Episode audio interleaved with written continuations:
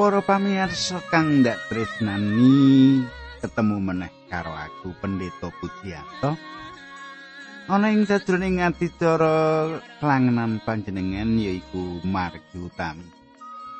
Piye kabare panjenengan sak keluarga? Apa panjenengan bagas waras diberkahi Gusti Allah?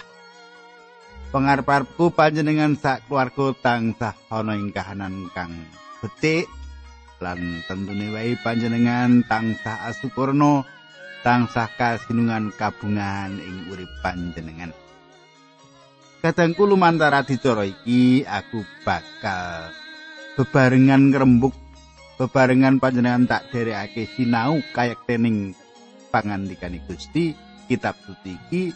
Lan uga derekake panjenengan kanggo nyemak saben kayekten kayekten sing ana ing pangandikane Gusti iki.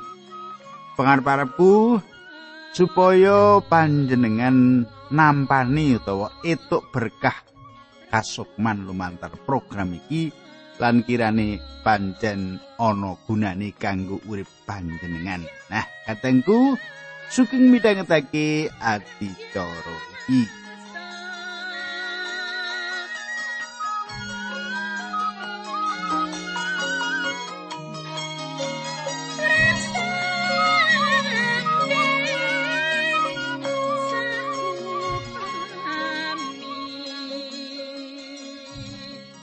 Kadangku kang ndatresnani apa panjenengan isih kelingan? Apa sing ndaturake marang panjenengan ing kepungkur kae? Aku wis ngaturake karo panjenengan. Ya kuwi kepiye yusak ngutus telik sandi menyang ing kutha Ai ya iki kelingan to nalika semono. Nah, saiki bakal nyemak ing sak panjenengan Nanging sadurunge kita terusake kaya padatan kita nyuwun tuntunane Gusti Allah dhisik supaya panjenengan aku anggone krungokake iki entuk berkah rohani entuk tuntunane saka panjenengan. Ayo kita tumungkul kita tetunggu.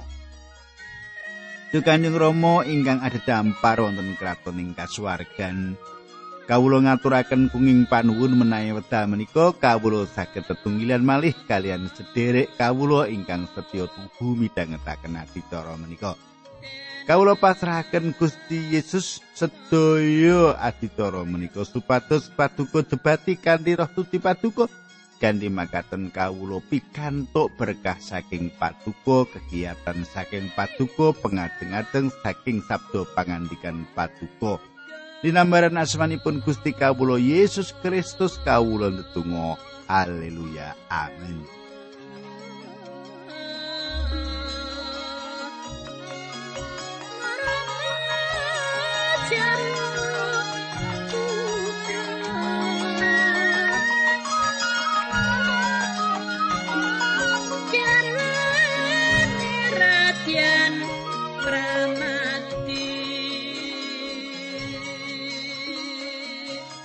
Para pamirsa ingkang kula tresnani, pasinaon kita ing dinten iki, ing dina iki wis nganti ing kitab Yusua utawa Yusa bab 7 ayat 4 ya. Kita wis nganti Yusua utawa Yusa 7 ayat 4. Wong-wong Israel nuju mendem kamenangan ing wektu semono. Wong-wong Israel wis bisa ngrebut Yeriko. Sinatian kamenangan kuwi kamenangani Allah nanging wong Israel enggal-enggal utawa cepet-cepet nganggep yen kamenangan kuwi kamenangani. Kuwi anggapan yen kemenangane kuwi kemenangane dhewe. Yusa banjur ngutus sawetara wong supaya naliti kutha Ai. Sawise naliti kanthi teliti wong-wong mau kondo. Ayo ora ana apa-apane dibanding karo Yeriko. Kadangku kutha Ai yaiku sawijining kutha tuwa kang cilik lan satemene ora ndudut ati. Saiki coba panjenengan semak ayat papat Yusak bab itu. Mulane kang luruk mung watara wong 3000 nanging iku padha keplayu ana ngarepe wong ing Ai. Amarga wong Ai padha oleh pepati panunggalane wong iku mau watara 36. Wong Israel dioyak wiwit saka ing ngarepe gapuraning kutha nganti tutuk ing sebarim anggone padha ngecak ana ing ereng-ereng. Atine para umat dadi bebes. Katenggu kepiye ngene? Kita bisa semak ing kene Israel bisa dikalahake dening wong-wong Ai. Panjenengan lan aku bisa dikalahake dening sifat dagingan. Kita ora bisa nggunakake cara kang padha kanggo ngalahake sifat kedagingan kaya kita ngalahake jagat. Bangsa Israel ora ngerti karingkihane dhewe. Rasul Paulus mengerti apa kang dadi karingkihane kaya kang ana ing sajroning 7 ayat 18. Paulus nulis, "Sebab aku sumurup yen aku iki ya iku dagingku ora katunungan bab kang becik. Sebab karep iku pancen ana ing aku nanging dudu bab nglakoni apa kang becik." Mangkono Paulus nulis bab karingkihane. Apa panjenengan wis pirsa yen panjenengan ora duwe kekuatan utawa panguwasa ing sajroning panjenengan dhewe? Panjenengan ora bisa nglakoni urip Kristen lan Gusti Allah ora tau paring dawuh marang panjenengan supaya nindakake perkara kuwi. Gusti Allah ngersakake nglakoni urip Kristen lumantar panjenengan. Katengku ing sajroning Rom itu Paulus nyatakake yen ora ana prakara kang apik ing sajroning sifat kang lawas. Sifat kang lawas kuwi ora ana sing becik. Paulus uga nemake yen ora ana panguwasa ing sajroning sifat kang anyar. Sifat kang anyar kuwi tansah kepengin urip kanggo Gusti Allah. Nanging kita ora duwe panguwasa kanggo nindakake. Sebanjure ing sajroning Rom 8 kita diwanuhake karo Sang Roh Suci Allah. Mung nalika kita kapenuhan Sang Roh Suci kang saka Allah iki, kita bisa nglakoni urip secara Kristen. Cetha ya? Nah, iki diteruske Yusa pitu ayat 6 teka pitu. Mungkin sani. Senopati Yusa nuli nyuwek pengagemane sarta sujud sumengkem konjeming bumi ana ngarepe petining Yehuwah nganti temeka ing wayah sore. Bebarengan karo para tuwa-tuwane Israel kambi nguwur-uwuri lebu ing mustakni. Sang Yusa banjur matur, "Duh Gusti kawula Sang Yehuwah punapa dene bangsa menika ngantos paduka dawi nyebrang ing benawian." Punapa supados kawula sami kaulungaken ing tanganipun tiang Amori lajeng sami kasirnakaken.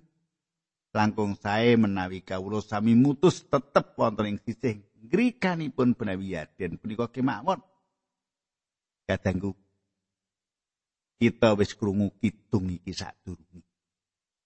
Yusak lagi ngitungake kidung kaprihatin. Yusak sinau anggitan kang meratelake isine ati ing ororo samun bebarengan karo wong-wong Israel. Yusak ora ngitung kitung iki ororo samun nanging dheweke nuju ngitungake saiki. Yusak ora bisa mangerti kenapa dheweke kalah ana ing peperangan awit saka lelakon kang kaya mengkono kuwi dheweke nyuwek sandangane lan bengok. Coba gatekke pambengoke marang Gusti Allah. Ayat pol. Do Gusti kawula badhe matur menapa? Sampunipun tiang Israel keplajeng mengkeraken mengsahipun.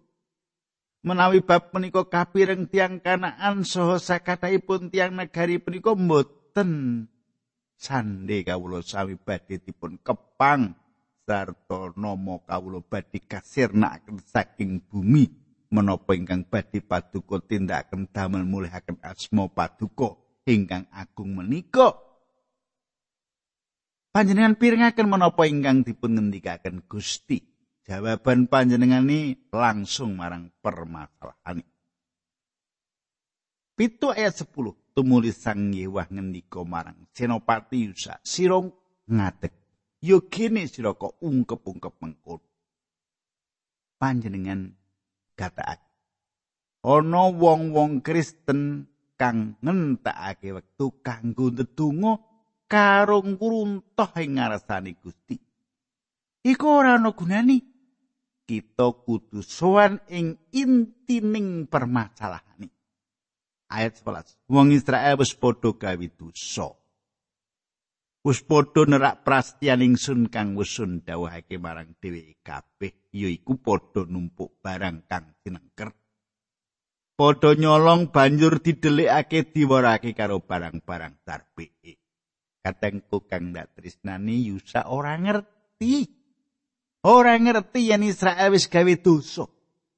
Yusa ora duwe ganjaran kasukman bisa mbedakake roh kaya ing jaman wiwitane ngadeke gereja. Panjenengan kelingan nalika Ananias lan Sapira nggoroi bab hasil anggone ngedol lemah.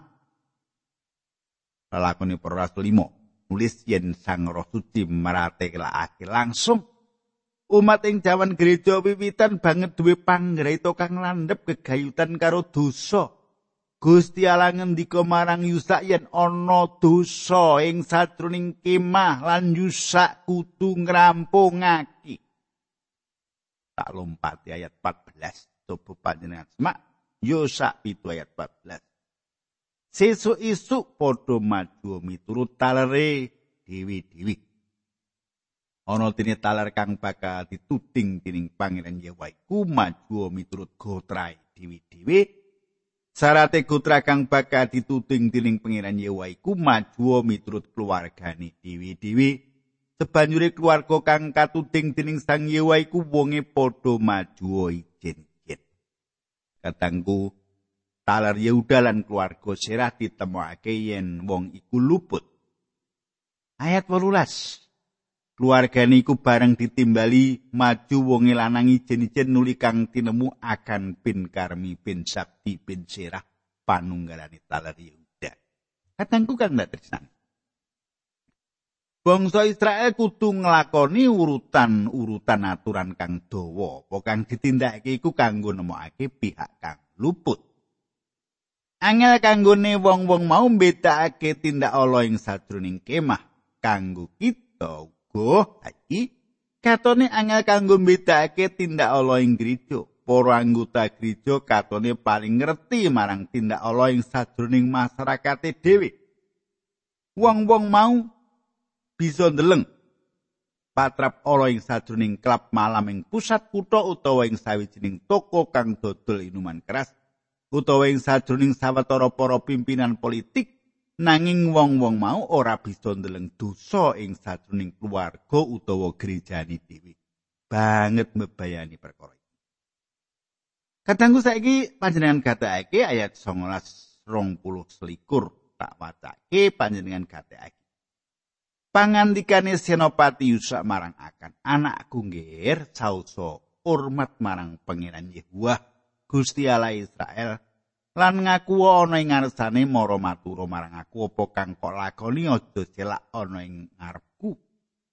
Akan banjur mangsuli marang senopati Yusa aduli saestu kula damel dosa dumateng pangeran Yehuwa Gusti Allahipun Israel sebab makaten ingkang kula lampahi. Ing antawisipun barang jarahan menika kula tingali wonten jubahipun satunggal ingkang indah.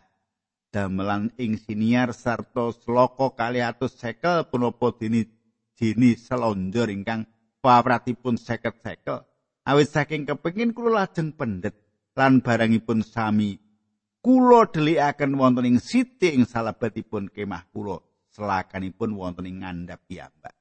Kadangku pangandikane Gusti kuwi nyritakake bab pengakune akan. Panjenengan semak langkah-langkah saka dosane akan. Wiwitane akan deleng terus dheweke kepengin terus akan jupuk yaiku langkah-langkah saka dosa kedagingan. Gosip kritik meri lan sujanan iku kabeh kasebut dosa kedagingan sagape nuwuhake cecongkrahan lan kangilan upamani kritikan bakal ngunggahake kumingsun panjenengan golek kawigaten marang badan dewek kritikan agawe panjenengan luwih apik tinimbang karo wong kang panjenengan kritik. Dosa lawas saka kedagingan ndeleng pengin lan jupuk. Saiki apa kang ditindakake akan nalika dheweke diadepake karo dosane akan ngakoni dheweke pasrah kanggo wong prataya ing jaman saiki kepiye cara kita ngawikani kedagingan kita kudu ngrampungake masalah dosa ing sajroning urip kita. Katangku panjenengan eling yen cara kita ngawikani jagat yaiku kanthi iman. Nanging iku dudu cara kita ngawikani kedagingan. Kita kepengin duwe patunggalan karo Gusti Allah, kita kepengin kapenuan karo Sang Rasuci supaya kita bisa lelati panjenengani. Saiki kepiye kita bisa duwe patunggalan karo Allah? Kepiye kita bisa duwe panguwasa ing sajroning urip kita? siji Yohanan siji ayat 5 nganti 6 nyetakake dalan kang ora bisa kita lewati. Ana dene iki pawarta kang wis padha ndak rungu saka ing panjenengani kang ndak wartakake marang kowe. Gusti Allah iku pepadang lan panjenengane ora kadunungan pepateng babar pisan. Saupama kita padha ngaku tetunggalan karo panjenengane mongko laku kita ana ing pepeteng dadi kita goroh lan ora nglakoni kayekten. Mengkono ungle pangandikane Gusti saka siji Yohanan siji ayat 5 tekan 6. Katangku Menawa panjenengan ngendika yen panjenengan duwe patunggalan karo panjenengane lan urip ana ing sadoning dosa. Mula panjenengan ora ngapusi sapa-sapa. panjenengan cetha ora duwe patunggalan karo Allah lan panjenengan wis ngerti perkara iki. Katengku, saiki umpamane kita kondo yen kita ora dosa. Ing layang siji Yohanan siji ayat 8 mratelake mengkene. Saupama kita padha ngaku ora duwe dosa, dadi padha ngapusi awak kita dhewe lan ora kadunungan kayekten.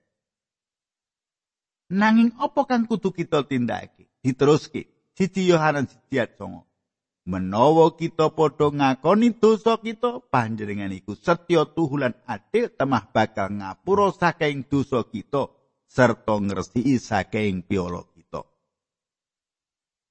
Panjenengan semak. Panjenengan semak. Panjenengan ora bisa ngandhapake Gusti Allah ing tingkatan panjenengan. Ngudunake Gusti Allah. Sak derajat karo panjenengan. Ora iso. Ini panjenengan uga ora bisa nggawa badan panjenengan dhewe menyang tingkatane Gusti Allah. Ora bisa. Perkara kang kudu ditindakake yaiku buka hubungan, buka pasraungan, tetep tinar buko antarane panjenengan lan Gusti Allah.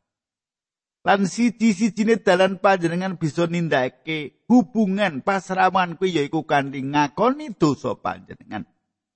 Ing sajroning Yohanes 1 ayat 10 Yohanes nambahake, saupama kita padha ngaku ora gawe dosa dadi padha nganggep panjenengane duro sarta pangandikane ora dumunung ana ing kita.